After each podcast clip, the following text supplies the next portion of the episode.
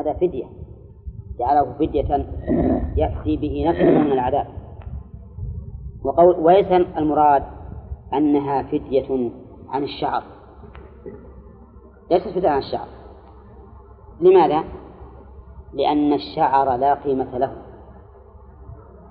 ولأننا لو قلنا بأنها فدية عن الشعر لكان الشايبا لما في رأسه إلا الربع من الشعر. كم عليه؟ ربع فدية نعم. بخلاف الإنسان الشاب اللي كل رأسه ممتلئ شعرا ولا كان اللي شعره طويل؟ ها؟ تكون فدية أكثر. وليس كذلك. فهي ليست فدية عن الشعر لكن فدية عما كان متوقعا من العقاب, من العقاب لهذا الذي عصى الله. وقوله تعالى من صيام أو صدقة أو نسك. لم يبين الله عز وجل الصيام. كم؟ ولا الصدقة. أما النسك فقد نقول إنه معروف مشهور مبين نعم. ولكن بين ذلك الرسول صلى الله عليه وسلم. بين ذلك الرسول صلى الله عليه وسلم. فبين أن الصيام ثلاثة أيام. وأن الصدقة ثلاثة آصع لستة مساكين. لكل مسكين كم؟ نصف وأما النسك فقال إنه شاة وهو واضح. وفي هذا أكبر دليل على أن السنة تفسر القرآن. نعم. وأن من طعن في السنة فقد طعن في القرآن. وأن من طعن في السنة فإنه لم لم يؤمن بقول الله تعالى وأنزلنا عليك الكتاب تبيانا لكل شيء. إذ أن الكتاب لم يبين الصيام والصدقة هنا. فبينته السنة. إذا فيكون القرآن قد أحال البيان على إيش؟ على السنة. وحينئذ يكون البيان بالسنة كما يكون البيان بالقرآن. فمن أنكر شيئا من السنة الثابتة عن الرسول عليه الصلاة والسلام فقد أنكر القرآن وكذب قول الله وأنزلنا عليك الكتاب تبيانا لكل شيء طيب بدأ الله تعالى من صيام أو صدقة أو نسك بدأ بالأسهل ولا بالأغلظ ولا بماذا؟ يختلف على حسب طيب أي كيف يختلف؟ أين أشد الصيام أو الصدقة؟ على الغني الصدقة نعم. أهون صحيح. على الغني الصدقة أسهل. وعلى الفقير الصيام أسهل. وأما النسك فالظاهر أنها غالبا أسهل على كل تقدير. لأن ثلاثة آصع ثلاثة آصع لا شك أنها أسهل. قول. قلت بالعكس أسهل ويا أشد أشد أشد. أنا أقول أسهل. لا أشد. الغالب أنها أشد. أي نعم تختلف لكن الغالب الغالب أنها أشد. ولهذا بدأ الله تعالى بالأسهل مع أن الله تعالى أحيانا يجعل الصيام بدلا عن الإطعام وأحيانا يجعل الإطعام بدلا عن الصيام. حتى في حتى في فيما هو على الترتيب. حتى فيما هو على الترتيب أحيانا يجعل الله الصيام بدلا عن الإطعام وأحيانا يجعل الإطعام بدلا. ففي كفارة اليمين أيهما البدل؟ الصيام. الصيام. فمن لم يجد فصيام ثلاثة أيام. وفي كفارة الظهار أيهما البدل؟ الإطعام. فمن لم يستطع فإطعام ستين مسكين. لكن هذا في الغالب إن أن الصيام أسهل. ثم الصدقة ثم النسك. وفي حديث كعب بن عجرة أن الرسول صلى الله عليه وسلم أمره أن يذبح شاة. فإن لم يستطع فليطعم. ستة مساكين أو يصوم ثلاثة أيام. فبدأ النبي عليه الصلاة والسلام بما هو أشد لأنه أكمل. وبدأ الله بالأسهل لأنه أيسر. وهنا مسألة وهي أن كثيرا من الناس يهدينا الله وإياهم كلما رأوا مخالفة من شخص قالوا عليك دم. قالوا عليك دم. لو يقول حككت رأسي فسقطت منه شعرة بدون اختيار ولا قصد قالوا عليك دم. نعم. وكل شيء دم وكل شيء دم. إحنا شاهدنا ناس. ثلاث شعرات. كل من جاء قال عليك دم. كل من جاء قال عليك دم. وهذا غلط. أولا إنه خلاف ما أمر الله به. الله أوجب واحدة من ثلاثة من صيام أو صدق أو نسك. الثاني أن فيه إلزاما لعباد الله بما لا يلزم. الثالث أن الدم في أوقاتنا هذا في أيامنا غالبه يضيع هدرا لا ينتفع به. الرابع أن فيه إخفاء لحكم الله عز وجل. لأن الناس إذا صاروا ما يفتون إلا بالدم ها؟ كأن ما في فدية إلا هذا. وأن ما في إطعام أو صيام. فالواجب على طالب العلم أنه يختار واحدا من أمرين. إما أن يرى الأسهل ويفتي بالأسهل وإما أن يقول عليك هذا أو هذا أو هذا واختر نفسه نعم. أما أن يذكر أشدها فقط ويسكت فهذا خلاف ما, ما ينبغي للمفتي. ففدية من صيام أو صدقة أو نسك فإذا أمنتم فمن تمتع بالعمرة إلى الحج فما استيسر من الهدي قال فإذا أمنتم أمنتم منين؟ ها؟ من الإحصار إذا أمنتم من الإحصار وأتيتم بالعمرة والحج على وجه الكمال فمن تمتع وهنا دخل شرط في شرط ها؟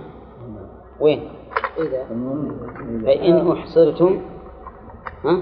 فإذا أمنتم هذا الشرط الأول فمن تمتع هذا الشرط الثاني وفما استيسر من الهدي هذا جواب الشرط الثاني والجملة من من الشرط الثاني وجوابه في محل جزم ها؟ جواب الشرط الأول وها؟ صحيح. لأن إذا لا تدري.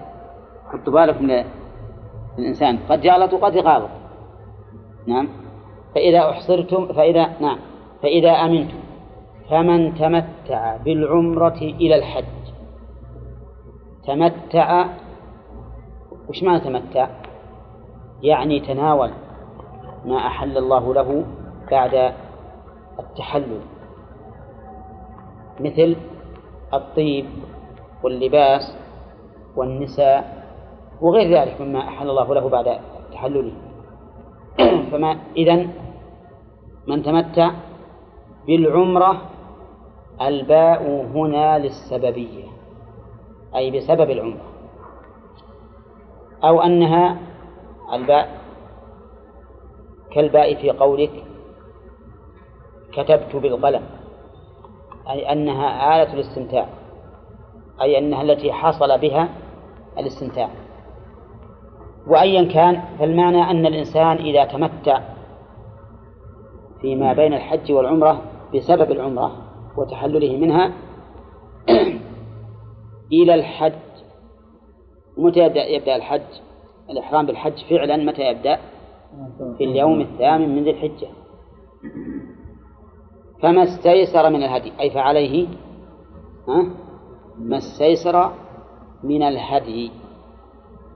ويقال في قول ما استيسر من الهدي كما قول كما قلنا ها؟ في قوله فيما أول آية فإن أبصرتم فما استيسر من الهدي. فإذا تمتع الإنسان بالعمرة إلى الحج فعليه ما استيسر من الهدي. ولكن يجب أن تعرفوا الفرق بين هذا الهدي وبين الهدي السابق. الهدي السابق هدي جبران والهدي الثاني هدي شكران. ولهذا قال العلماء في الهدي الأول لا يأكل منه وفي الثاني يأكل منه لأن الثاني هدي شكران وليس هدي جبران وأما الأول فهو هدي جبران.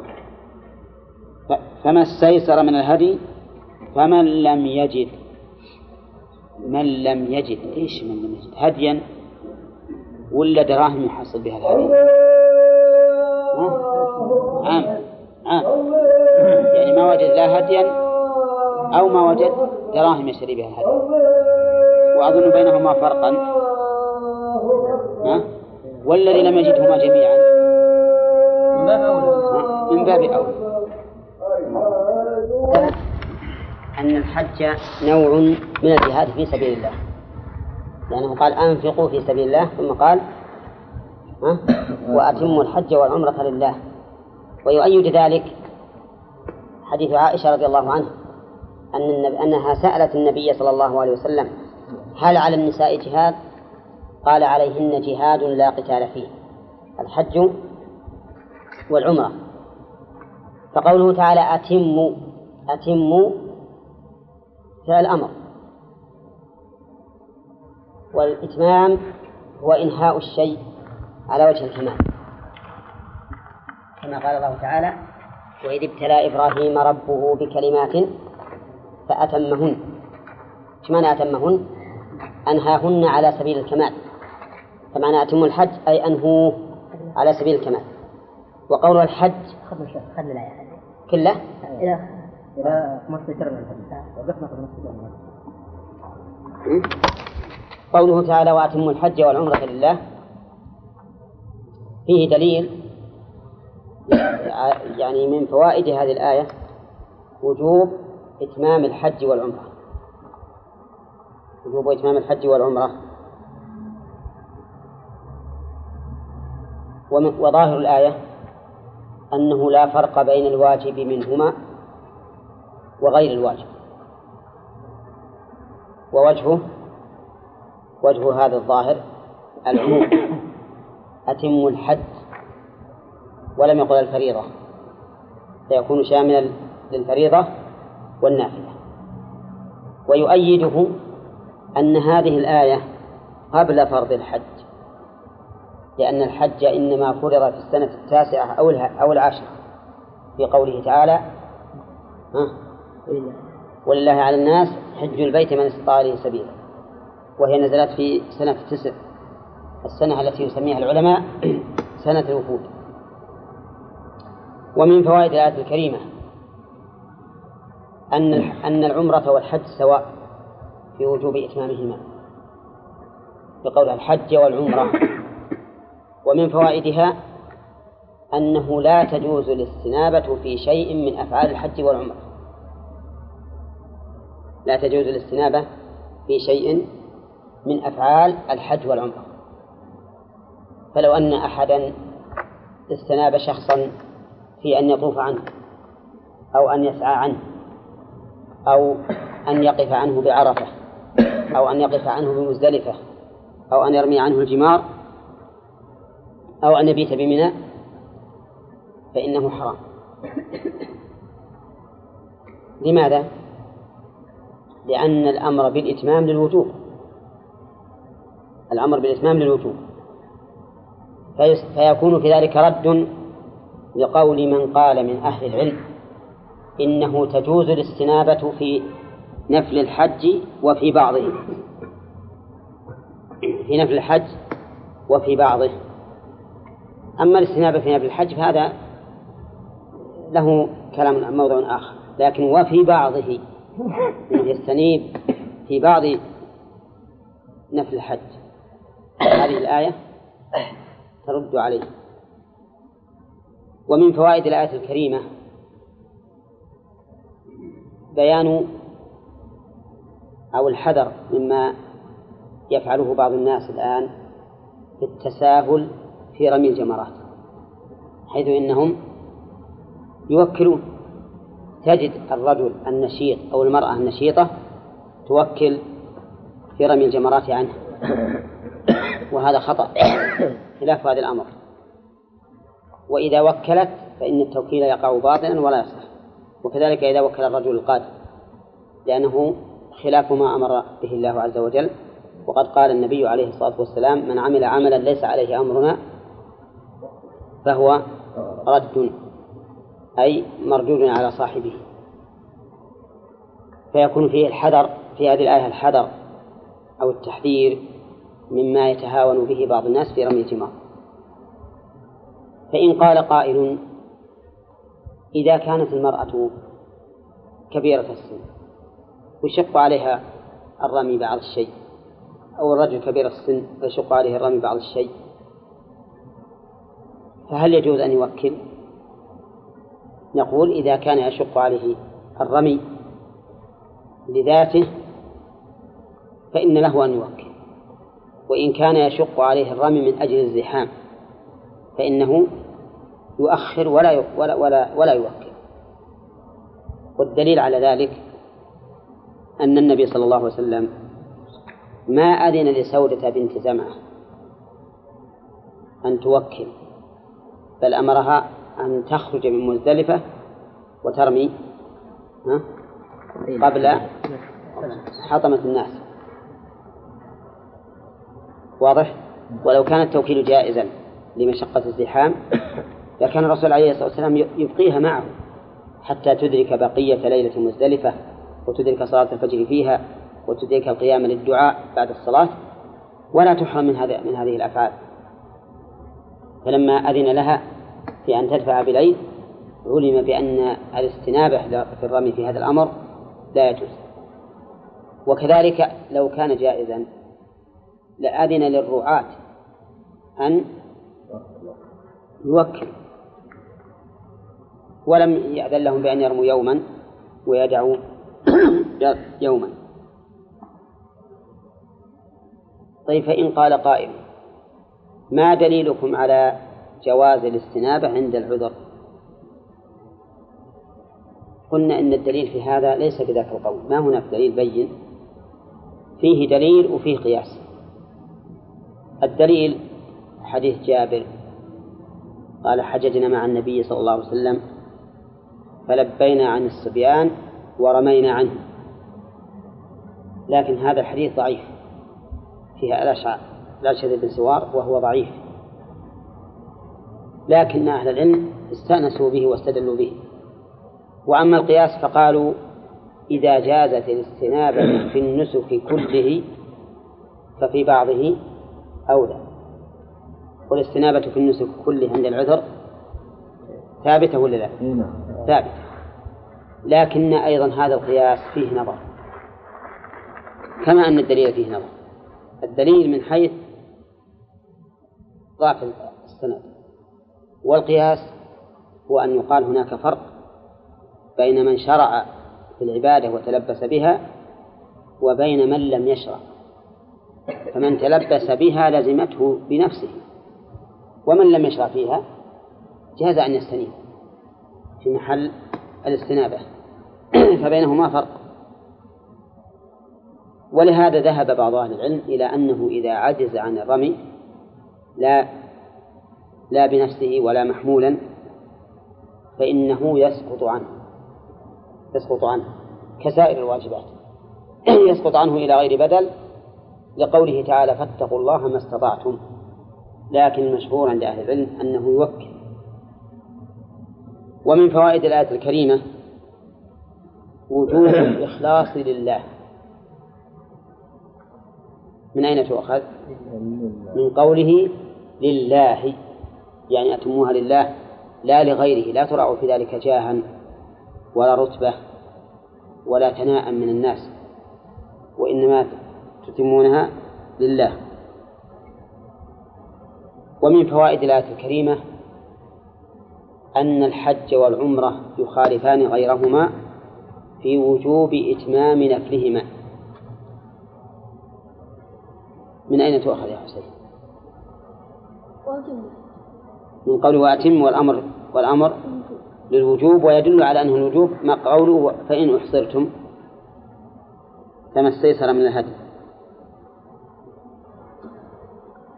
أما غيرهما من العبادات فإن النفل لا يجب إتمامه.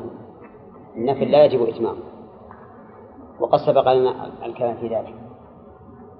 ومن فوائد الآية الكريمة أنه إذا أحصر الإنسان عن إتمامهما فله أن يتحلل. فله أن يتحلل.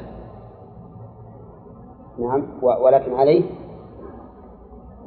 الهدي. لقول فإن حصرتم فما استيسر من الهدي. ها؟ ومن فوائدها أن ظاهرها شمول الإحصار لكل مانع من إتمام النسك. كل ما يمنع من إتمام النسك فإنه يجوز فيه يجوز التحلل به وعليه الهدي. طيب بالكم. أما الإحصار بالعدو فأظنه محل محل إجماع. أنه إذا أحصر بعدو منعه من إتمام الحج أو العمرة فإنه يتحلل بالنص والإجماع. النص ما ما هو؟ تحلل الرسول عليه الصلاة والسلام في الحديبية. والإجماع لا نعلم في هذا مخالفا. وأما الحصر بغير عدو مثل عيسى. أن يصيبه مرض. نعم. مرض أو كسر أو ضياع نفقة. أو ما أشبه ذلك مما لا يستطيع معه إتمام الحج والعمرة فإن العلماء اختلفوا في ذلك. فمنهم من قال إنه لا تحل وأنه يبقى محرما حتى يزول المانع. ومنهم من قال إنه يتحلل كالحصر بعدو. حجة الأولين أن الله تعالى قال فإن أحصرتم والآية نزلت في شأن قضية الحديبية وهم قد يحصروا بعدو. فيكون الحصر هنا خاصا بالعدو. دليل آخر يقولون لأن طباعة بنت الزبير لما جاءت تشتكي إلى الرسول صلى الله عليه وسلم أنها شاكية مريضة وهي تريد الحج قال لها حجي واشترطي. فلو كان الإحصاء فلو كان المرض أو كان الإحصار بالمرض مبيحا للتحلل ما احتيج إلى أن تشترط. لكانت تسعى في النسك تدخل في النسك وإذا عجزت إذا عجزت تحللت إذا عجزت تحللت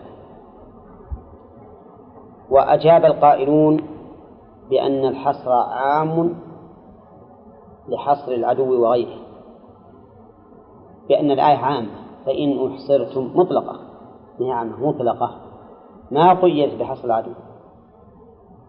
والعبرة بعموم اللفظ لا بخصوص السبب هذا دليل. العموم في الآية. دليل آخر تعليل هو أن العلة في جواز التحلل بحص العدو. ما هي العلة؟ عدم القدرة على إتمام النسك وهذا حاصل بالحصر بغير العدو. حاصل في الحصر بغير العدو. والشرع لا يفرق بين متماثلين. الشرع ما يفرق بين بين متماثلين. وأجابوا عن حديث طباعة بأنهم يقول بأن يقال إن الفائدة من حديث طباعة أنها إذا حصل مرض يمنعها من من إتمام النسك فإنها تتحلل بلا شيء. وأما إذا لم تشترط فإنها لا تتحلل إلا بدم إلا بدم. وحينئذ يظهر فائدة اشتراط من خاف أن يعوقه مرض أو نحوه عن إتمام النسك. وش الفائدة؟ أنه لا يجب عليه الهدي لو تحلل بهذا الحصر. والصواب هو هذا أن الإحصار يكون بالعدو وبغيره. طيب ومن فوائد الآية الكريمة وجوب الهدي على من أحصر لقوله فما استيسر من الهدي. ومن فوائدها أن من تعذر أو تعسر عليه الهدي فلا شيء عليه وش الدليل؟ لقوله فمن استيسر من الهدي ولم يقل فمن لم يجد فعليه كذا وكذا وقال بعض أهل العلم إنه إذا لم يجد شيئا صام عشرة أيام قياسا على إيش؟ تمتع على هدي التمتع. قياسا على هدي التمتع. والصواب أنه أن هذا القياس ليس بصحيح. لأن الآية واحدة.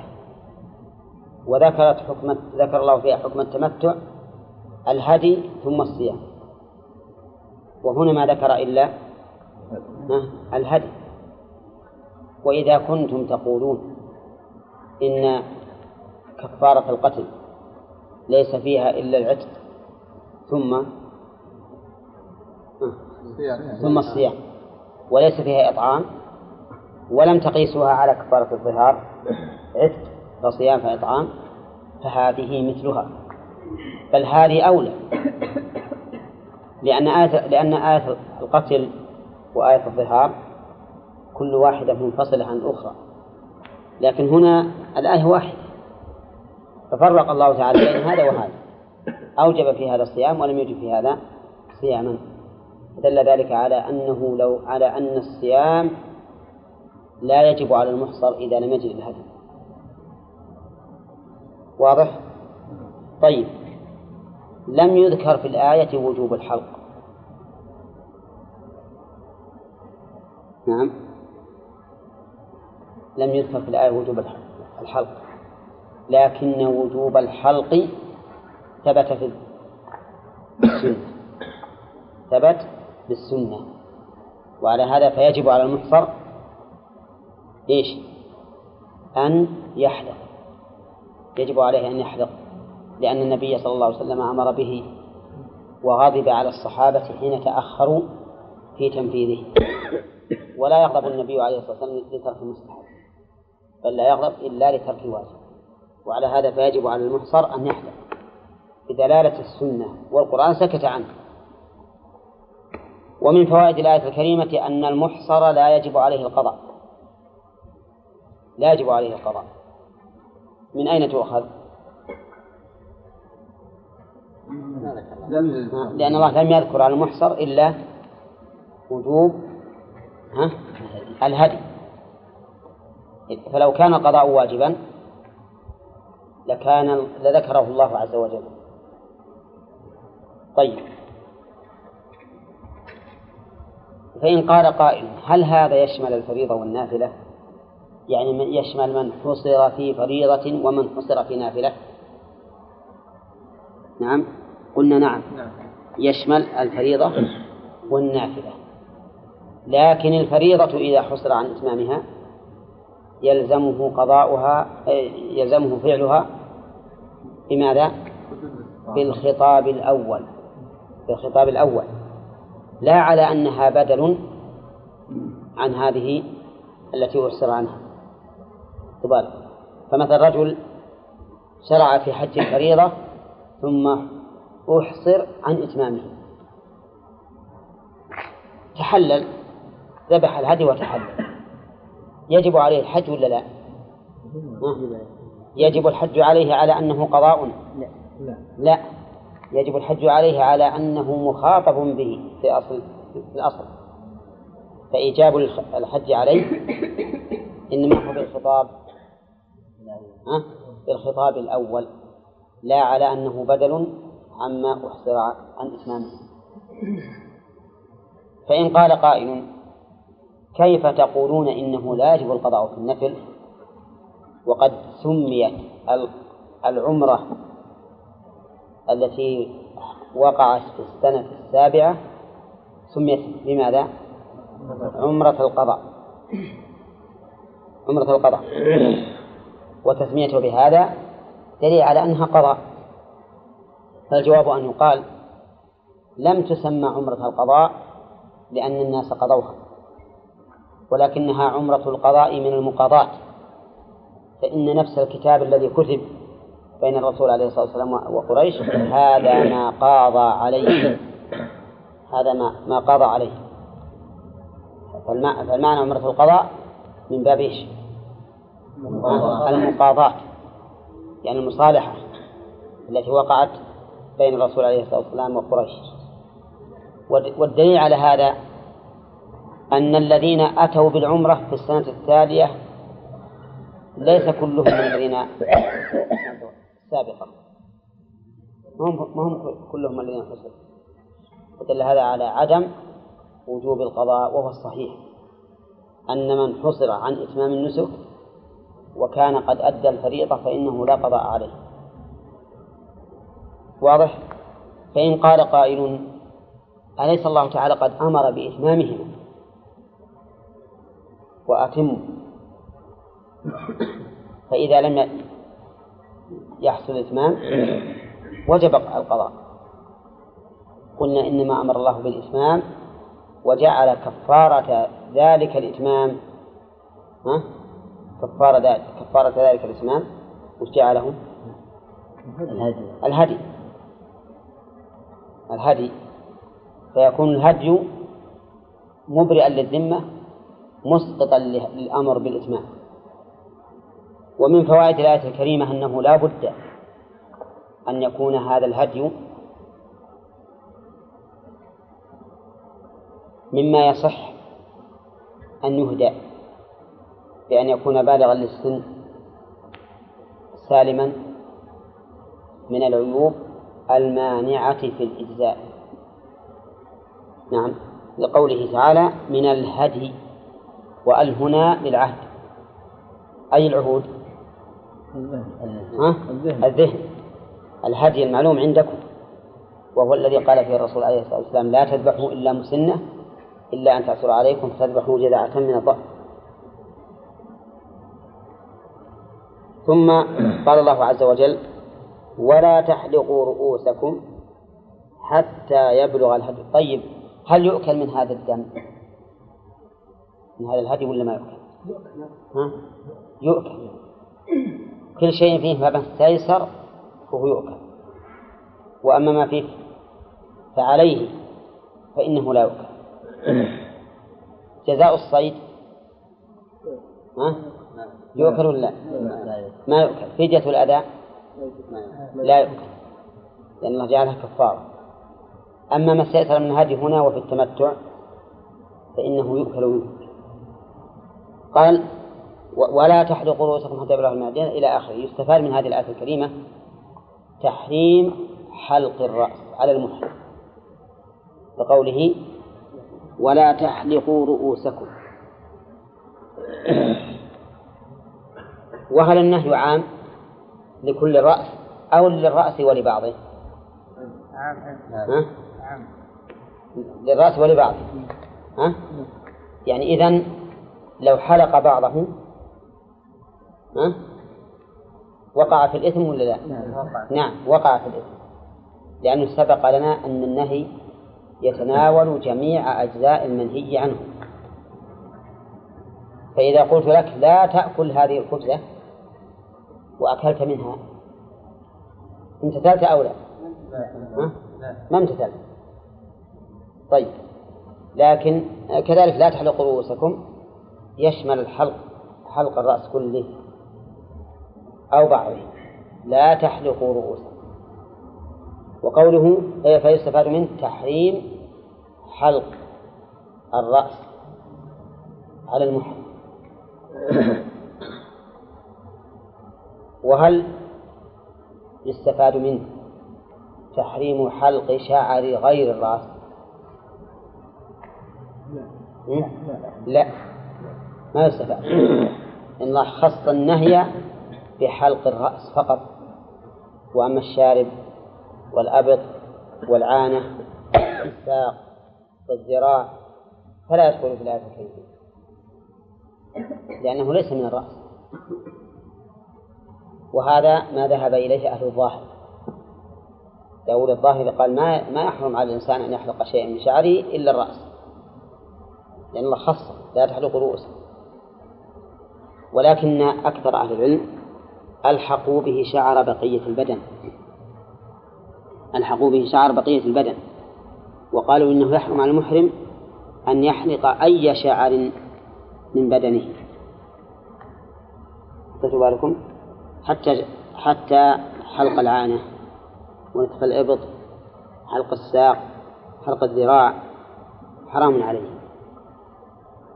القياس وجهه أو العلة الجامعة أن كل منها إيش؟ شعر.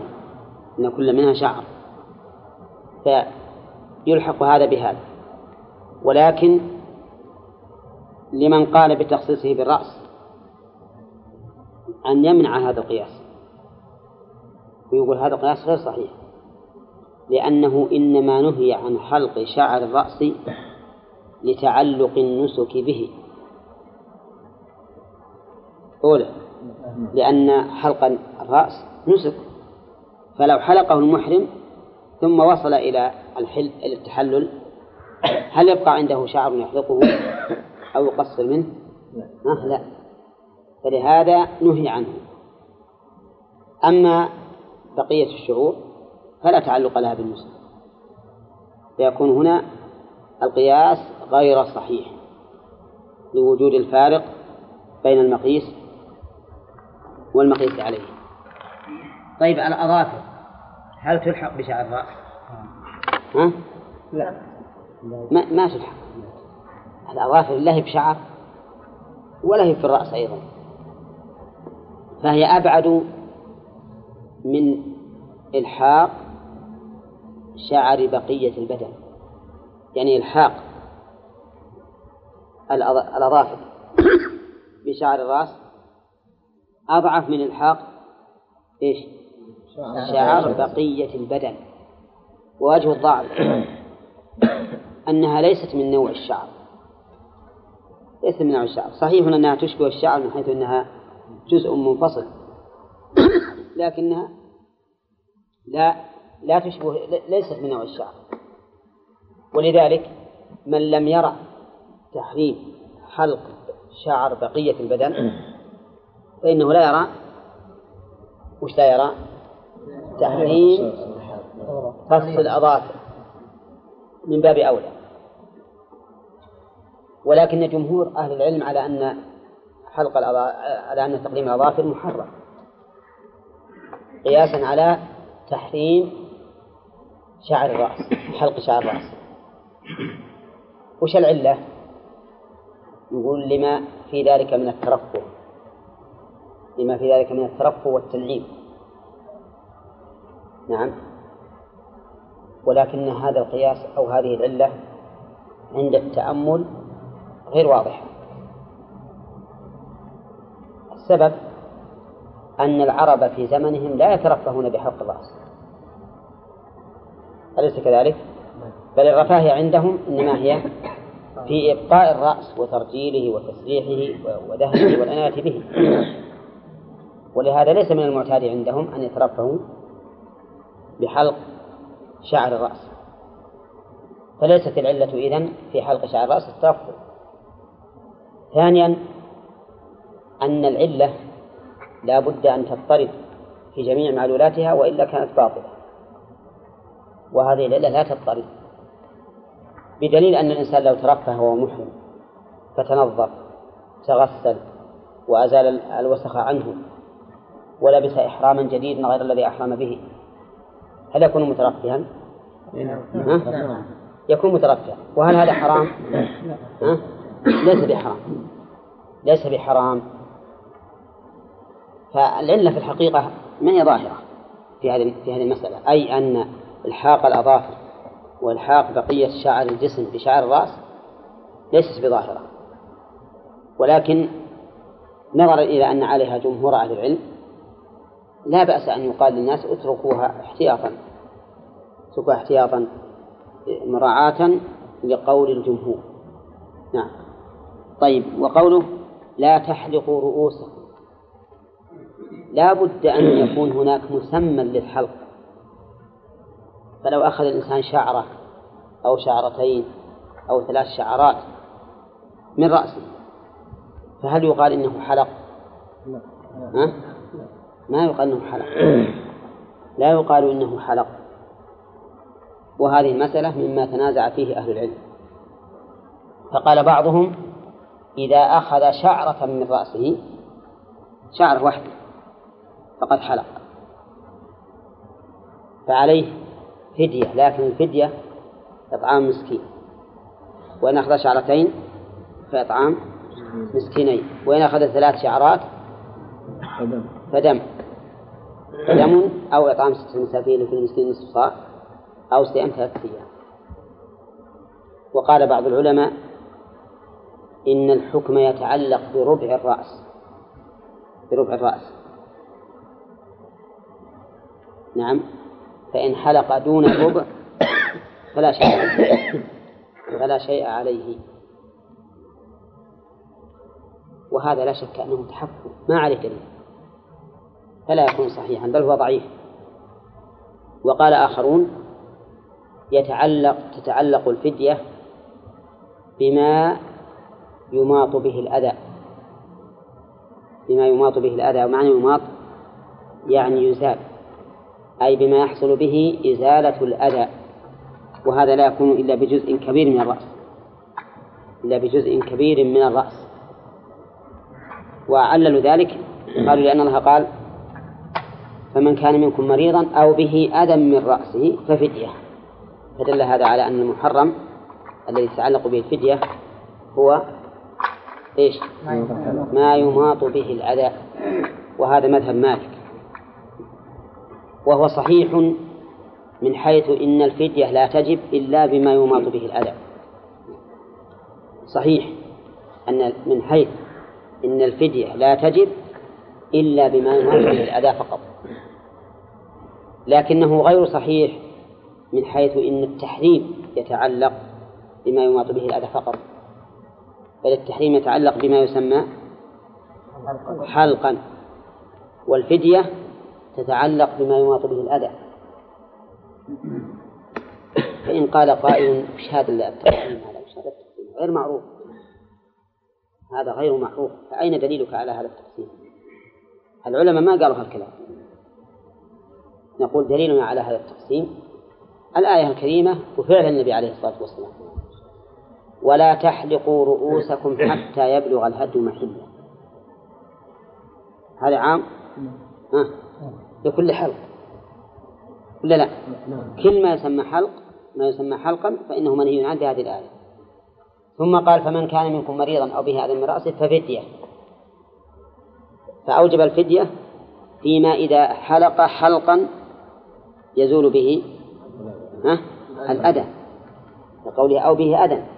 إذا قدرنا إنسان رأسه يؤذيه يؤذيه الهوام وحلق له مقدار سنتيمتر. يزول به الأذى ولا لا؟ ها؟ ما يزول به الأذى. والله إنما أوجب الفدية في حلق ما يزول به الأذى. ويدل لذلك أيضا فعل الرسول صلى الله عليه وسلم فقد احتجم وهو محرم في يافوخه في آل رأسه. احتجم وهو محرم. ومعلوم أن الحجامة تحتاج إلى حلق الشعر الذي يكون به الآلة آلة الحجامة. ولم ينقل أن الرسول عليه الصلاة والسلام نعم أنه ابتدع ما نقل أنه ابتدع فدل ذلك على أن الحلق محرم وأما ما تتعلق به الفدية فهو ما يماط به الأذى.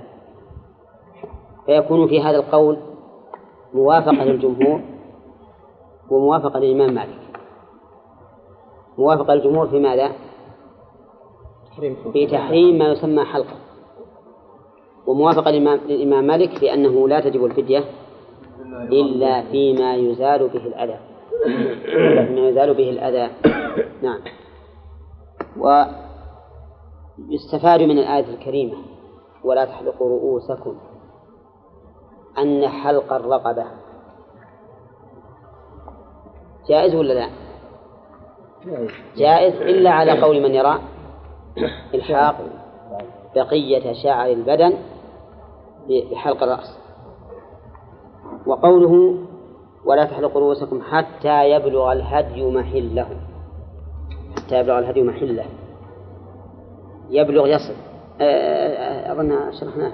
يستفاد من هذه الآية الكريمة أنه لا يجوز الحلق إلا بعد النحر. لقوله حتى يبلغ الهدي محله إلا بعد النحر. وإلى هذا ذهب كثير من أهل العلم مستدلين بقوله صلى الله عليه وسلم إني لبت رأسي وقلدت هدي فلا أحل حتى أنحر. وقالوا من ساق الهدي فإنه لا يحلق حتى إيش؟ يحل. نعم. فلا يحلق حتى ينحر. وقول حتى يبلغ الهدي محله. وهؤلاء الذين قالوا به عندهم ظاهر الآية الكريمة وعندهم فعل الرسول عليه الصلاة والسلام حيث قال فلا أحل. فلا أحل حتى أنحر. فلا أحل حتى أنحر. طيب. وهذا صحيح. لولا ورود الأحاديث بجواز الحلق قبل النحر. صلي ركعتين. صلي ركعتين. فإن النبي عليه الصلاة والسلام سئل في يوم العيد عن التقديم والتأخير فما سئل عن شيء قدم ولا أخر إلا قال افعل ولا حرج. وعلى هذا فتكون ظاهر الآية الكريمة. وقت الحلول متى؟ يوم العيد. وليس المعنى حتى يذبح بل المعنى حتى يصل إلى زمانه ومكانه. نعم. لكن هذا التأويل لا يتأتى في الحديث. فلا أحل. نعم. حتى أنحر. قوله لا تخلق رؤوسكم شيخ نعم حسابها اللي قبله ولا بعد؟ يعني لا الإحصار ولا عامة الإحصار لا الظاهر أنها مستقلة. الظاهر أنها مستقلة. ويحتمل أنها أنها تابعة. طيب. نعم. قول قول الجمهور. مسألة الجمهور الفنان. قوله ففدية لأن فدية معناها أن هذا ينقذ من الإثم نعم. طيب ما اللي دونه. ما, ما لا يماط اللي دون ما يماط نعم ما ذكر معناه ما فيه لا في إثم لعموم ولا تحلق نعم كيف يتخلص إنه قد يكون الإثم يتخلص بالتوبة ولا دم من من الإثم الفدية قول فإذا أمنتم شرط فمن تمتع بالعمرة شرط آخر وهذا الشرط الثاني وجوابه جواب الشرط الأول فمن. فإذا أمنتم فمن تمتع بالعمرة إلى الحج فما استيسر من الهدي فيكون الجواب للشرط الأول جملة جواب آه، جملة الشرط الثاني وجوابه وتقدم المعنى فمن تمتع بالعمرة الحج أي فمن تمتع بمحظورات الإحرام. بالعمرة أي بسببها. وذلك أن المحرم إذا أحرم في أشهر الحج فالأصل أن يحرم بالحج ويبقى محرما إلى أن يحل يوم العيد. لكن إذا جعلها عمرة فتمتع بها إلى الحج فعليه الهدي. فعليه ما استيسر من الهدي. شكرا لله على نعمة التحلل. شكرا لله تعالى على نعمة التحلل لأنه في المدة التي بين انتهاء العمرة وابتداء الحج لولا هذه العمرة لكان محرما ممنوعا من محظورات ممنوعا من مما يحرم في في الإحرام أو ممنوعا بما يحرم في الإحرام. ولكن هذه العمرة أحلت له هذه المحظورات. فكان من شكر نعمة الله عليه أن يقوم بذبح الهدي. ولهذا قال فما استيسر من الهدي. أي فعليه ما استيسر. وعلى هذا فيكون ماء اسما موصولا في محل رفع مبتدع. والخبر محذوف. تقدير فعليه ما استيسر. من الهدي أي ما تيسر وسهل والهدي كما سبق المراد به الهدي الشرعي فأل فيه للعهد الذهني. والهدي الشرعي هو ما بلغ السن المعتبر شرعا وسلم من العيوب المانعة من الإجزاء. نعم. إذا مثلا الآن هو معروف سن الهدي معروف لنا في الشرع كيف نطلب ما تيسر ما تيسر منه؟ وهو ما يتغير واحد. أي نعم. ما استيسر منه. لأنه بعضه غالي وبعضه رخيص. والإنسان قد يكون معه دراهم يدرك بها الغالي ودراهم لا يدرك بها الغالي. فعليه ما تيسر. ما استيسر من الهدي قال فمن لم يجد هذا شرح. فسرناه على كلامكم. أولى فمن لم يجد. فمن لم يجد قول فمن لم يجد المفعول محذوف وهي من وجد الشيء يجده إذا أدركه والمفعول محذوف والفائدة من حذفه العموم أي فمن لم يجد الهدي أو ثمن الهدي لأن الإنسان قد يجد ثمن الهدي ولكن لا تجلب في الأسواق هدايا. وربما تجلب في الأسواق الهدايا ولكن ليس عنده ليس عنده دراهم يشتري بها. ولهذا حذف المفعول به. أي فمن لم يجد هديا أو ثمنه. نعم. فصيام ثلاثة أيام. أي فعليه صيام. أي فل أو فالواجب صيامه إن قلنا أن التقدير فعليه صيام أعربنا صيام على أنها مبتدأ. والخبر محذوف أي فعليه صيام. وإن قلنا فالواجب صيام أعربنا صيام على أنها خبر مبتدأ محذوف والمبتدأ محذوف. صيام ثلاثة أيام في الحج ثلاثة أيام في الحج وسبعة إذا رجعتم. قوله تعالى في الحج أي في سفر الحج فيشمل ما إذا صامها بعد إحرامه بالعمرة وقبل إحرامه بالحج فلو أن الرجل ذهب متمتعا إلى مكة في أول شهر ذي القعدة وهو يعرف من نفسه أنه ما عنده مال وأراد أن يصوم الثلاثة الأيام بعد أن حل من العمرة في ذي القعدة جائز؟ نعم جائز لأنه الآن في سفر الحج. وقد قال النبي عليه الصلاة والسلام دخلت العمرة نعم في الحج. دخلت العمرة في الحج. ولأن العمرة أحد السببين الموجبين للهدي بل هي السبب الوحيد في الواقع. وتقديم الشيء قبل سببه بعد سببه وقبل وجوبه. جائز ولا لا؟ جائز على القاعدة التي عرفناها في قواعد ابن رجب. تمام؟ إذا في الحج لنا فيها ثلاث توجيهات. أولا في في الحج أي في سفر الحج. فتدخل فيه العمرة ولا لا؟ تدخل. ثانيا نقول في الحج لو فرض أنه في الحج أي في أفعال الحج لكانت العمرة منه. لقول النبي عليه الصلاة والسلام دخلت العمرة في الحج. فيجوز أن نصومها بعد العمرة قبل الدخول في أفعال الحج. شيء ثالث نقول العمرة أحد السببين بل قد نقول هي السبب الأوحد لإيجاب الهدي. لأنه قال فمن تمتع بالعمرة فجعل العمرة هي السبب في وجوب الهدي.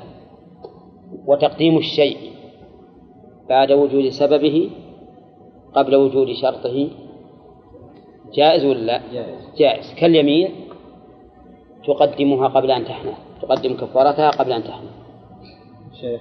إذن يجوز أن يصومها من يوم يحرم بالعمرة التي نوى بها التمتع.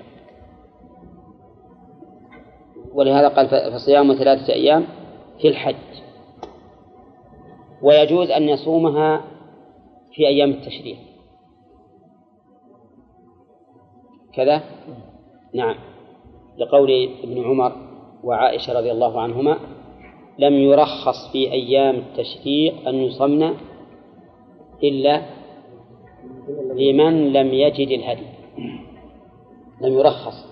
والصحابي إذا قال يرخص أو رخص أو ما أشبه ذلك فهذا القول في حكم الرفع في حكم الرفع طيب. وأيضا ثلاثة أيام أيام التشريق. كلها حج. وش فيها من الحج؟ فيها المبيت. فيها الرمي فهي داخلة في قوله تعالى ثلاثة أيام في الحج. نعم. ولا لو واحد أخر الهدي شخص أخر الهدي الأيام الأخيرة من أيام التشريق. ثم تعذر عليه ما حصل هدي. متى يصوم؟ يصوم وقت التعذر يعني يصوم. بعد ولو بعد أن تمضي أيام التشريق. لأنه معذور. لكن لازم إنه في مكة يصوم ولا لا ما هو بلازم. لو خرج ما يخرج يكون في سفر. نعم. طيب يمكن يغلق المدة وما وصلها له أو يصلها لو وصل هذا قبل تعلق ما في مانع قوله في الحج. لا هذا معذور قلنا هذا تأخير معذور. وما يجوز إنه إنه يأخر عن أيام التشريق. محرم. لكنه معذور. في هذه الحالة التي قلت. نعم. يعني كان معه دراهم يظن إنه بيلقى إي نعم. يظن انه بيلقى ولكن ما لقى. إما عدمت الهدايا أو أنه صارت غالية مرتفعة وكل يوم يقول لعلي أجد اليوم. ولكن مثل الحالة ما ينبغي انه يفعل. ينبغي أنه إذا عرف أنه يوم العيد ما وجد شيئا يصوم يوم 11 وهو إذا وجد وهو صائم جاز أن ينتقل إلى الهدي ولو بعد أن صام. ما ما يضر. نعم. ها؟ ها؟ نعم. الدين إنه إنها انتهت أعمال الحج. والله يقول في الحج. يجوز يقدم لو لم ها؟ كيف؟ يجوز أن يصوم لو لم يشرب يكاد إيه ما قلنا لأن العمرة من الحج. كما قبل قبل. قبل العمرة. قبل العمرة ما يجوز. بعد الإحرام. بعد الإحرام يجوز لأنه تلبس بالعمرة فقد دخل فيها. فصح أن يقال في الحج. أما قبل إحرامه بالعمرة فلا يجوز. ولا يجوز بعد ما يجوز بعد أيام التشريق. ما يجوز. ما صام يومين من أيام التشريق ثم الهدي. فلا فله, فله الحق في أن يترك الصيام ويشتري الهدي لأنه هو الأصل. لا ما يلزم. ليس يلزم لكن له أن يفعل.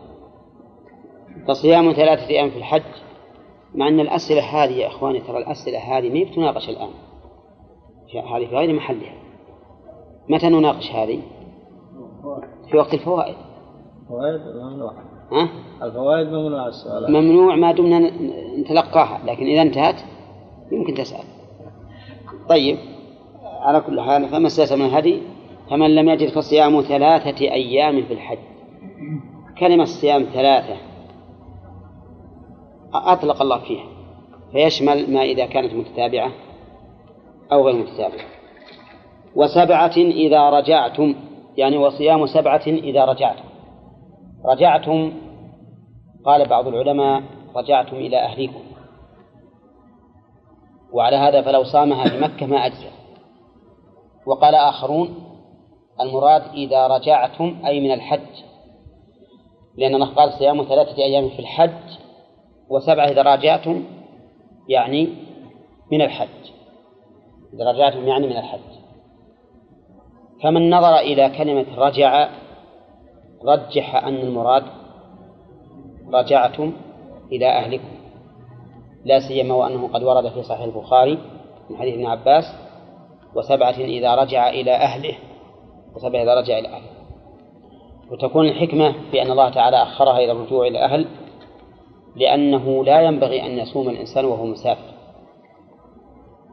فلو ألزم بأن يصوم وهو مسافر لكان في ذلك مشقة عليه ويكون تقييدها بالرجوع لا من باب الإلزام ولكن من باب إيش؟ من باب الرخصة والتسهيل. من باب الرخصة والتسهيل. وأنه لو صام فلا حرج. وإذا نظرنا إلى قوله ثلاثة أيام في الحج وسبعة إذا رجعتم أي من الحج. لأن اللي قبله في الحج أي إذا رجع رجعتم من الحج. فيشمل الصيام في مكة بعد انتهاء أيام التشريق.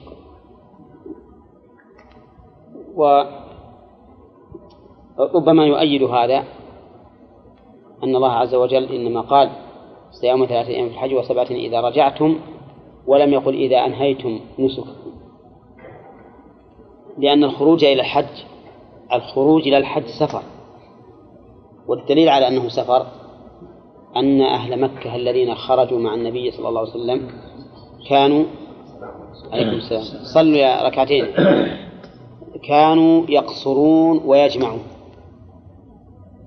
يكون المراد؟ إذا رجعتم من الحج لأنه سفر. نعم. قال الله تعالى تلك عشرة كاملة. تلك المشار إليه الأيام.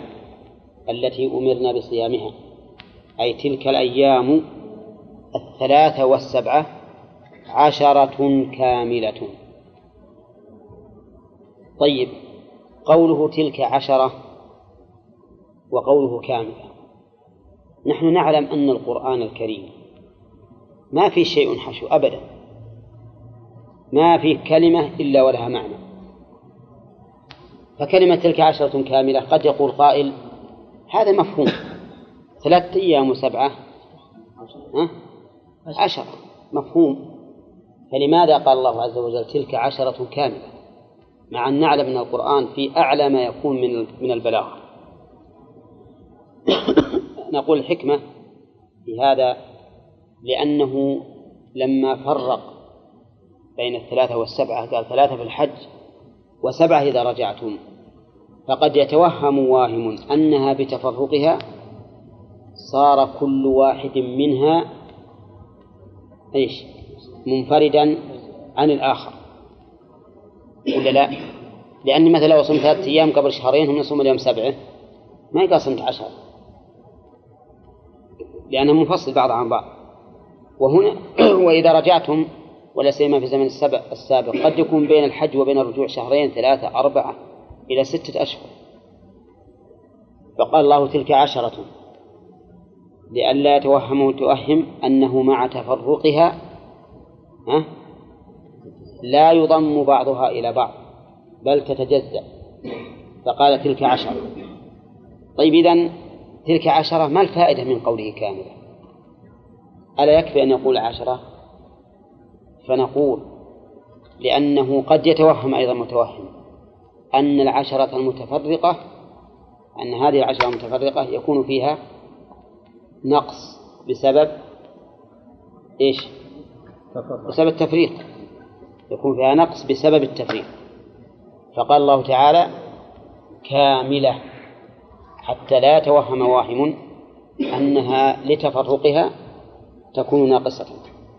فتبين بهذا الحكمة العظيمة في قوله تلك عشرة كاملة. وقال بعض العلماء إنه قال تلك عشرة كاملة يعني كاملة في الإجزاء عن الهدي. وأنكم إذا عدمتم الهدي وصمتم هذه الأيام فقد أتيتم بالهدي كاملا كانما أتيتم بهدي كامل السلام ولكن المعنى الأول أوضح. المعنى الأول هو الأوضح. قال تلك عشرة كاملة ذلك لمن لم يكن. ذلك المشار إليه الحكم المستفاد مما سبق. أي ذلك الحكم لمن لم يكن أي ثابت لمن لم يكن أهله حاضر المسجد الحرام. قوله تعالى لمن لم يكن أهله أهله من المراد بهم؟ قيل المراد به نفسه. لمن لم يكن أهله أي نفسه أي لمن لم يكن حاضرا المسجد الحرام. وقيل المراد بالأهل سكنه الذين يسكن إليهم من زوجة وأب وأم وأولاد وما أشبه ذلك. فيكون معنى ذلك لمن لم يكن سكنه حاضر المسجد الحرام.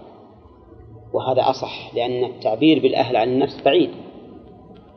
بعيد ولكن أهله يعني الذي يسكن إليهم من زوجة وأم وأب وأولاد هذا هو الواقع. وقوله حاضر المسجد الحرام المراد بالمسجد الحرام مسجد مكة.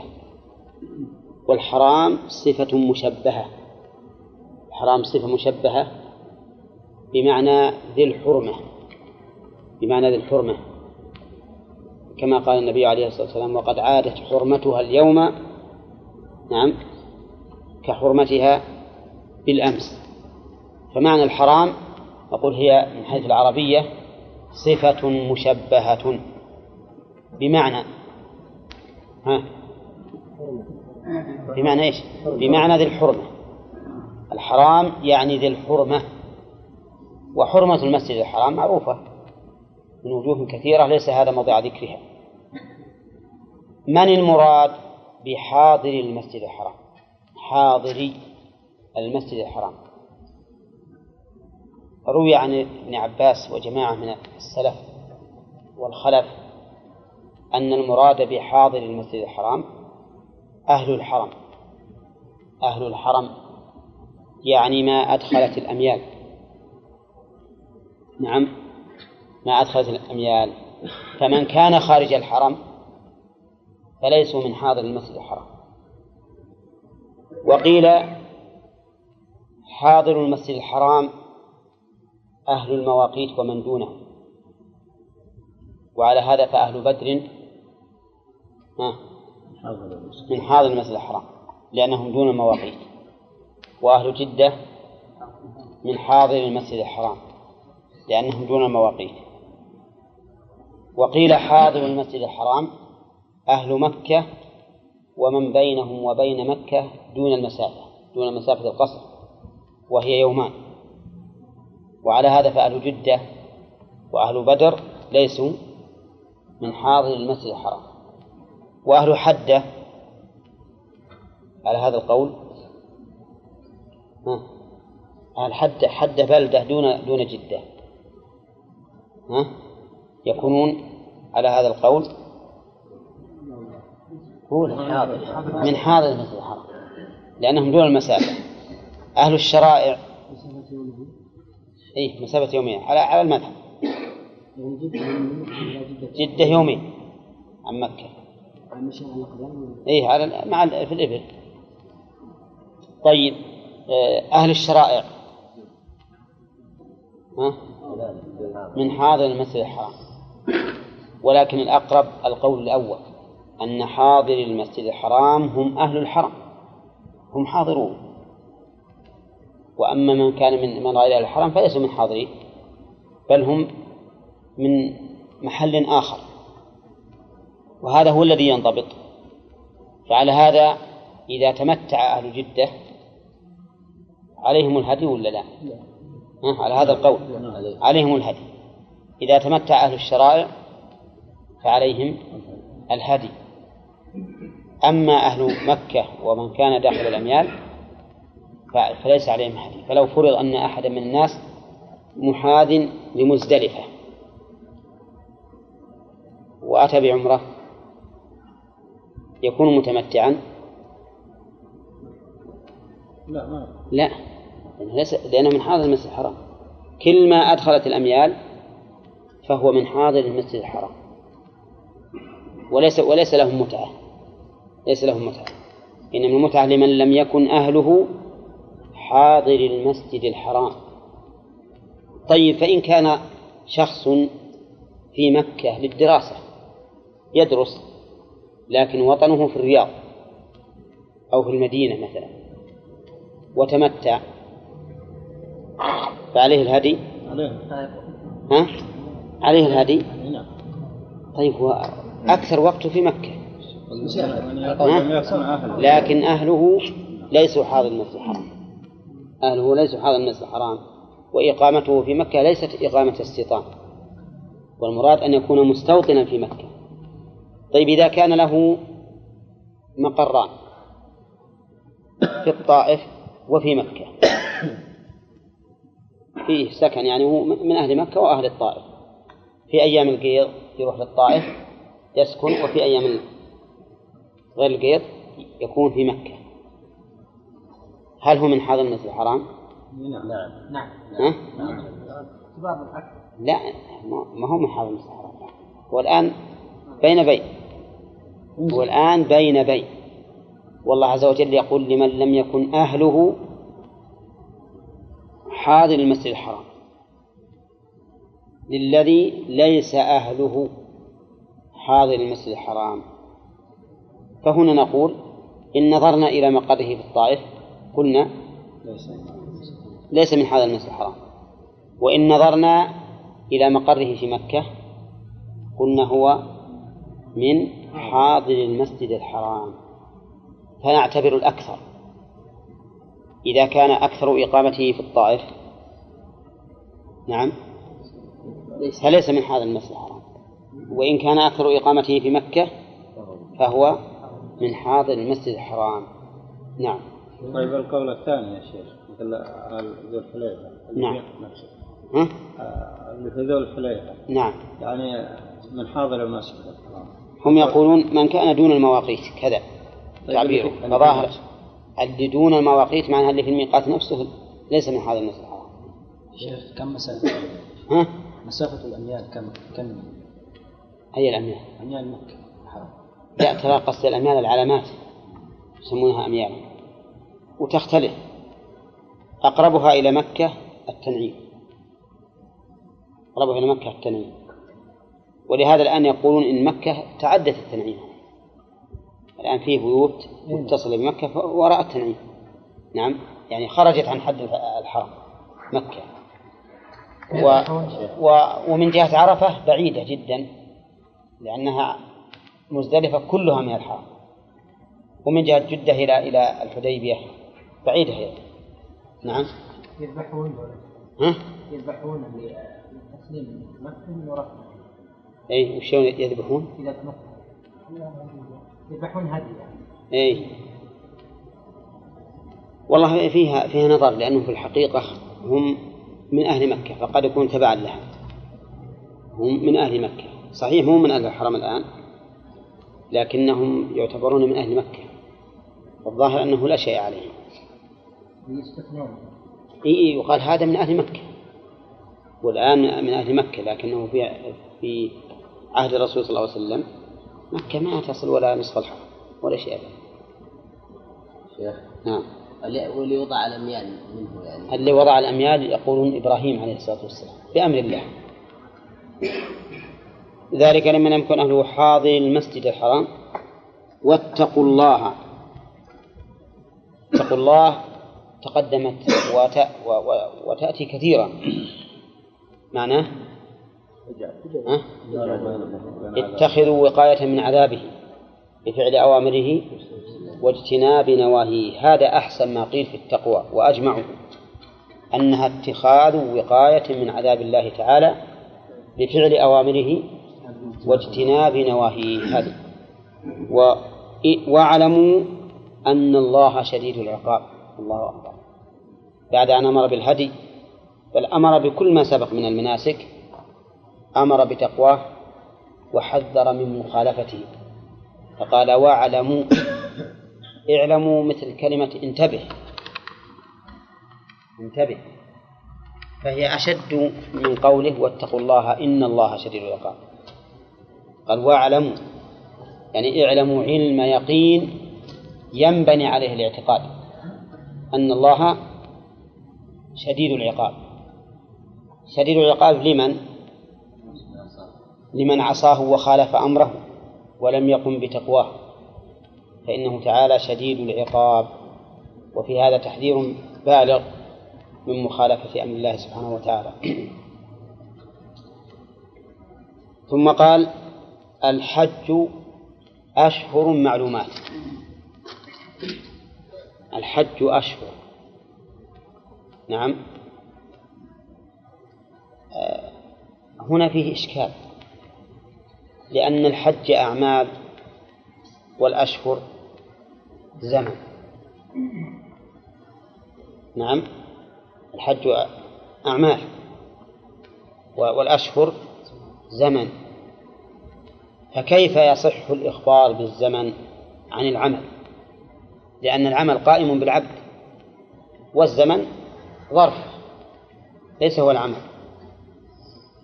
نعم. فلو قلت مثلا صلاتي يوم. صلاتي يوم. يصح هذا ولا لا؟ أن تخبر بالصلاة عن اليوم باليوم عن الصلاة؟ لا. لا صلاتي عمل واليوم زمن العمل الحج عمل والأشهر زمنه لو كانت العبارة الحج أشهر أشهرا معلومات كما في قوله تعالى كتب عليكم الصيام كما كتب علينا من قبلكم لعلكم تتقون؟ أياما معدودات لكن ما في إشكال. لكن هنا قال الحج أشهر فعبر بالأشهر أو أخبر بالأشهر عن العمل. قال بعضهم إنه على حذف المضاف والتقدير الحج حج أشهر معلومات.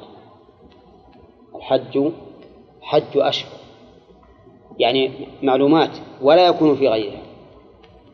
ولا يكون في غيرها بخلاف العمرة فإن العمرة تكون في في كل في كل وقت.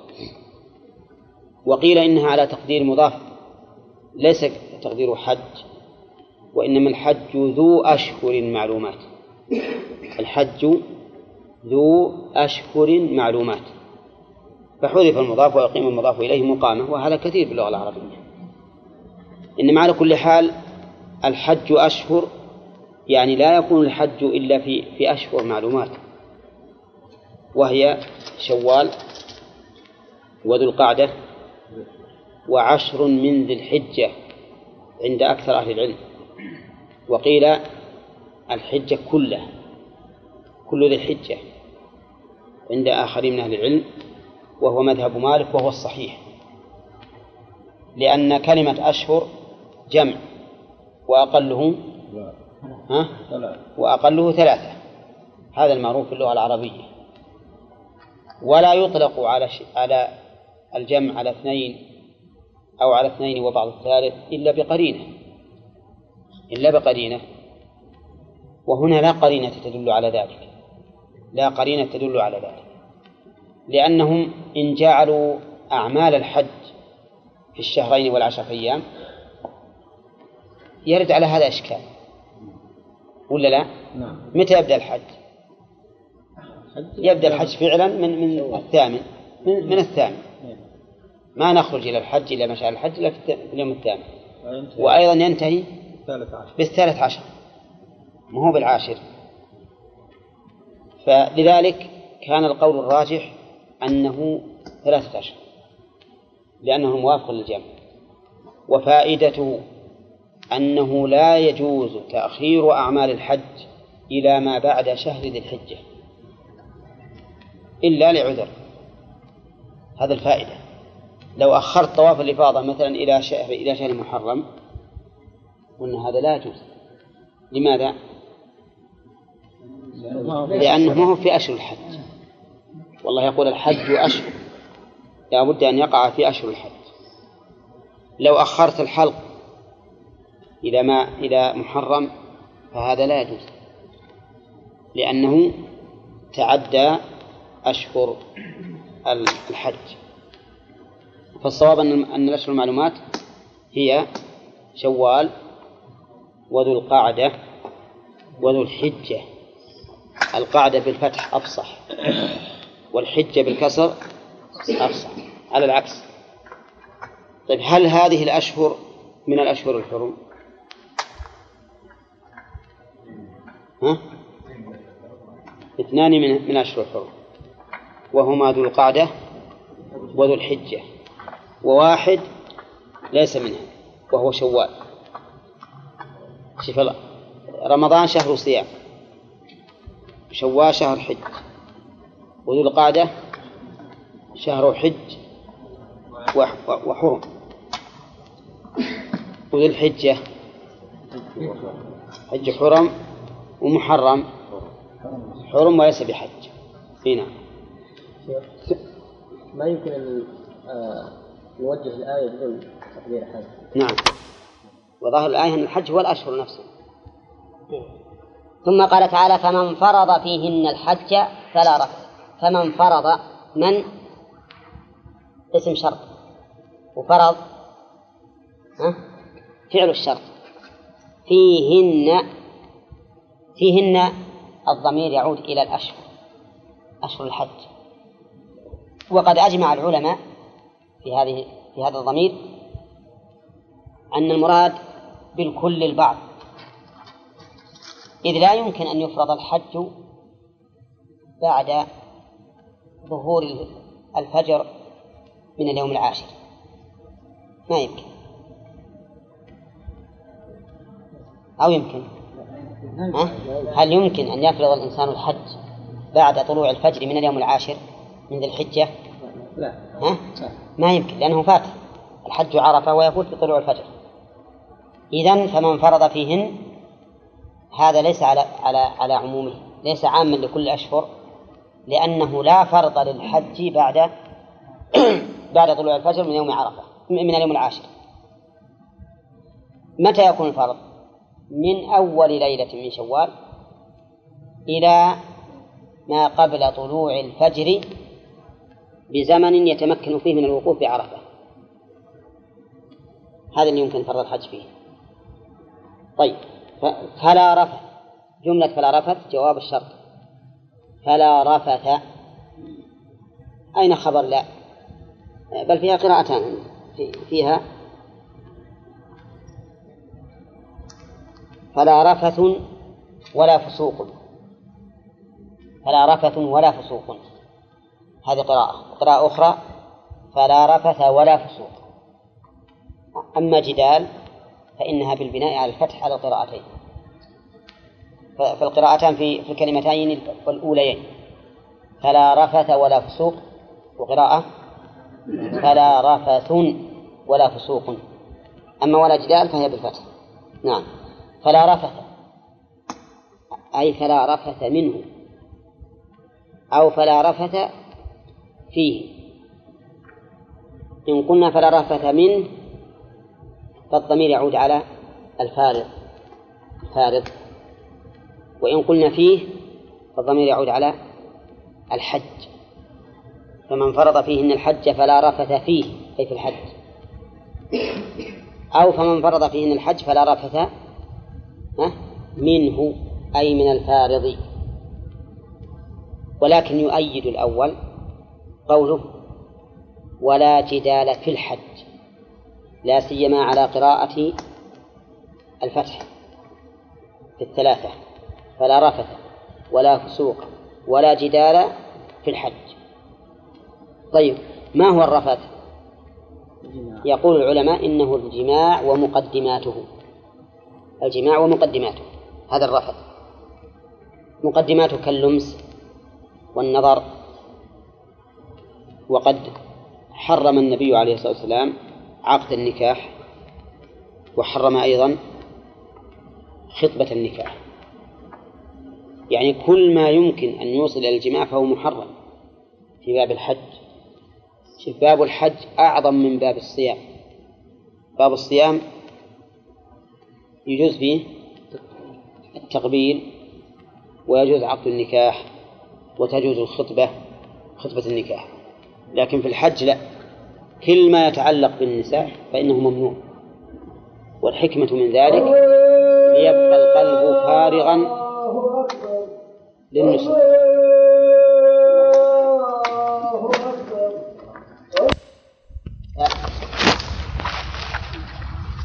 الرفث قلنا إنه جماع ها؟ ومقدماته. وكل ما كل ما يثيره كل ما يثيره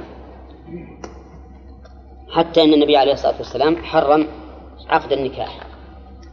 وحرم الخطبة خطبة المرأة خطبة المرأة. فقال النبي عليه الصلاة والسلام فيما صح عنه من حديث عثمان رضي الله عنه قال لا ينكح المحرم ولا ينكح ولا يخطب. عرفتم؟ إذن لا رفث الجماع ومقدماته ووسائله. نعم. جماع ومقدماته ووسائله. الجماع معروف مقدماته كاللمس والتقبيل وما أشبه ذلك ووسائله كالعقد.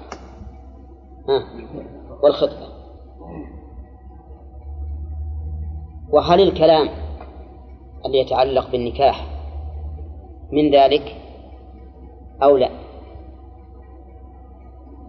يحتمل أن يكون من ذلك كما لو تحدث الناس فيما بينهم بالجماع وما يتعلق به. ويحتمل أنه ليس منه إلا بحضرة النساء كما قال ابن عباس رضي الله عنه. وقد أنشد بيتا فقيل له كيف تقول هذا وأنت محرم؟ فقال إنما ذلك بحضرة النساء. وذلك لأنه بحضرة النساء لا شك أن تحرك الشهوة أكثر مما إذا كانت النساء غائبة. فذكر النكاح بدون حضور النساء هذا قد لا يكون داخلا في قوله تعالى فلا رفث. وإن كان الأولى التنزه منه لا سيما للشاب. نعم. وقوله ولا فسوق ما هو الفسوق؟ قال بعضهم إن الفسوق هو الذبح لغير الله. نعم هو ذبح لغير الله. لقوله تعالى أو فسقا أهل لغير الله به. حطيتوا بالكم؟ وقال بعضهم بل الفسوق المعاصي كالغيبة والنميمة. لقول الرسول عليه الصلاة والسلام سباب المسلم فسوق وقتاله كفر. وقال آخرون بل الفسوق كل المعاصي. لقوله تعالى ولكن الله حبب إليكم الإيمان وزينه في قلوبكم وكره إليكم الكفر والفسوق والعصيان. وهذا القول أصح. وقال آخرون إن المراد بالفسوق محظورات الإحرام فقط. لأن الله قال لا رفث والنهي عن الرفث خاص بالإحرام. فلا فسوق يعني في تناول محظورات الإحرام. ولكنه تقدم لنا مرارا وتكرارا أنه كلما كانت الآية صالحة للعموم فهو ها فهو أولى. فنقول المراد بالفسوق الذي نهى الله عنه في هذه الآية هو الخروج عن طاعة الله. بأي معصية من المعاصي. نعم. فيشمل في ذلك يشمل ذلك في أول مرتبة محظورات الإحرام. مثل حلق الرأس والطيب تغطية الرأس وما أشبه ذلك. لا يلبس القميص ولا السراويل ولا البرانس ولا العمائم ولا الخفاف لا تقتلوا الصيد. ها؟ وأنتم حرم. فيدخل فيه محظورات الإحرام. يدخل فيه الغيبة ولا لا؟ ها؟ يدخل الغيبة. يدخل الغش في البيع والشراء.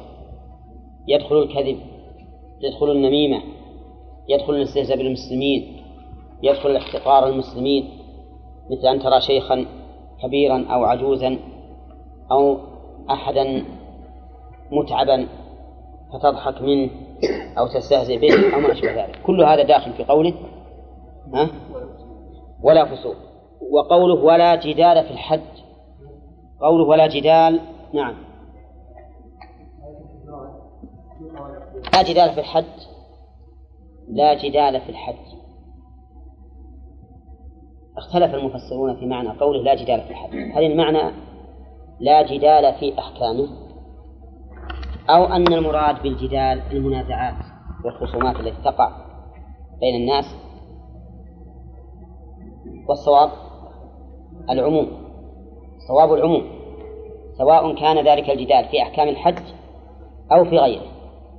في أحكام الحج مثل ما يتنازع أهل الجاهلية يقول نحن حجنا أكمل من حجكم نحن وقفنا بعرفة وأنتم ما وقفتم وما أشبه ذلك. نعم؟ أو يجادل في أحكام الحج بأن هذا حرام أو هذا حلال أو ما أشبه هذا. ولا جدال أيضا منازعات بين الناس فيما بينهم وهذا أيضا وهذا يقع كثيرا في الحج. أولا اللي يحج يعرف النزاع وكثرة الخصومات. لو يقفون عند الماء أو عند الخباز ينتظرون الخبز نعم تجادلوا يقلط واحد على الثاني يصير قبله فيحصل الجدال. السيارات أيضا إذا تزاحمت حصل جدال. فالجدال في الحج من أكثر ما يكون ولهذا خص الله تعالى النهي عن الجدال فيه. فقال ولا جدال في الحج. والحكمة من ذلك هو أن الجدال يورث الانفعال النفسي والانشغال بهذا الجدال عن عن العبادة اللي هو فيها. والجدال كما تعرفون ما يتوقف انشغال القلب فيه على وقت الجدال فقط وإنما ينسحب على ما بعده. تجده يقول يفكر ليتي قال انسدح حتى إني اعرف مو خليه يسكت. نعم؟ ليتي ضاربه على وجهه ليتي فعل كذا ليتي فعل كذا. نعم؟ فيبقى مع نفسه في صراع ويذهب عنه الخشوع الذي من أجله جاء تاركا أهله ووطنه وماله من عبادة الله عز وجل. نعم؟ ولهذا منع الشرع من كل معاملة تؤدي إلى النزاع. وإلى العداوة والبغضاء. فالنجش محرم. سبب ها؟ يؤدي إلى النزاع. والغش محرم كذلك. نعم. ولا ولا جدال في الحج. طيب هل هذه الآية على عمومها؟ فإن قلت نعم فما الجمع بينها وبين قوله تعالى ادع إلى رب إلى سبيل ربك بالحكمة والموعظة الحسنة وجادلهم بالتي هي أحسن وجادلهم بالتي هي أحسن. نعم. إن قلت إن قوله ولا جدال في الحج المراد المنازعات في أمور الدنيا فقط فلا إشكال ولا ولا ترد عليها الآية. وإن قلت إنه عام وردت عليك الآية وجادلهم بالتي هي أحسن. فنقول طريق الجمع بينهما أن نقول إن بين الآيتين عموما وخصوصا مطلقا ولا وجهيا ها؟ أو ما نعرف الوجه ولا ها؟ العموم والخصوص الوجهي اللي معناه وحدة عامة من جهة وخاصة من جهة نعم والعموم والخصوص المطلق اللي واحدة أعم مطلقا والثانية أخص مطلقا ها؟ عرفتم؟ أو نحتاج إلى مثال ها؟ يحتاج إلى مثال ما يخالف نمثل لو إحنا ماذا ما هو بدرس أصول لكن لا بأس قال النبي عليه الصلاة والسلام فيما سقط السماء